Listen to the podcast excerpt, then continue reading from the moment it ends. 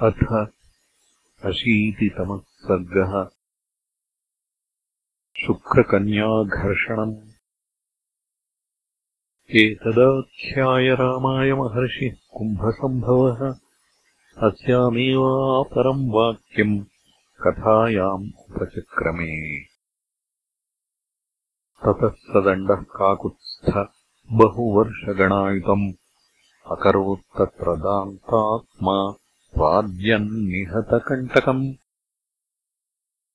अथ काले तु कस्मिंश्चित् राजा भार्गवमाश्रमम्। रमणीयम् उपाक्रामच्चैत्रेमासि मनोहरे। तत्र भार्गवकन्याम् स्वरूपेणाप्रतिमाम् भुवि। विचरन्तीम् वनोद्देशे दण्डोपश्यदनुत्तमाम् स दृष्ट्वा ताम् सुदुर्मेधानङ्गशरपीडितः। अभिगम्य सुसंविग्नाम् कन्याम् वचनमब्रवीत्।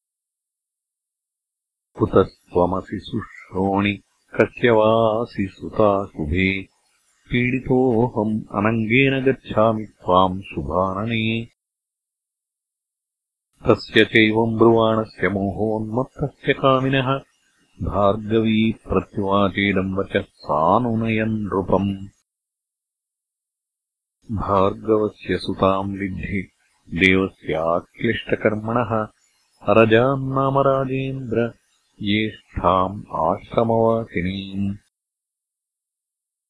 मा माम् स्पृशबलाद्राजन् कन्यापितुवशाह्यहम् गुरुः पिता मे राजेन्द्र त्वम् च शिष्यो महात्मनः व्यसनम् सुमहत्क्रुद्धः स ते दद्यान्महातपाः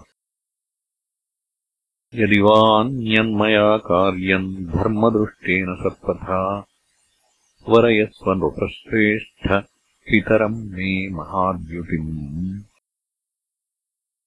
अन्यथा तु फलम् तुभ्यम् भवेद्घोराभिसंहितम् क्रोधेन हि पिता त्रैलोक्यमपि निर्दहेत् दास्यते चानवद्याङ्ग तव माम् याचितः पिता एवम् ब्रुवाणाम् अरजाम् दण्डः कामवशम् गतः प्रत्युवाच मदोन्मत्तः शिरस्याधाय चाञ्जलिम् प्रसादम् कुरु शुश्रोणि न कालम् क्षेप्तुमर्हसि त्वत्कृते हि मम प्राणा विदीर्यन्ते वरानने। त्वाम् प्राप्यमेवधो वा स्यात्। शापो वा यदि दारुणः। भक्तम् भजस्व माम् भीरु। भजमानम् सुविह्वलम्। एवमुक्त्वा तु ताम् कन्याम् दोभ्याम् गृह्य बलाद्बली। विस्फुरन्तीम् यथा कामम् मैथुनायोपचक्रमे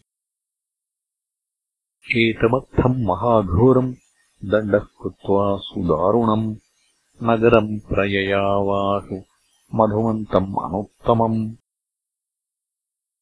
हरजापि रुदन्ती सा आश्रमस्याविदूरतः प्रतीक्षन्ती सुसन्त्रस्ता पितरम् देवसन्निभम्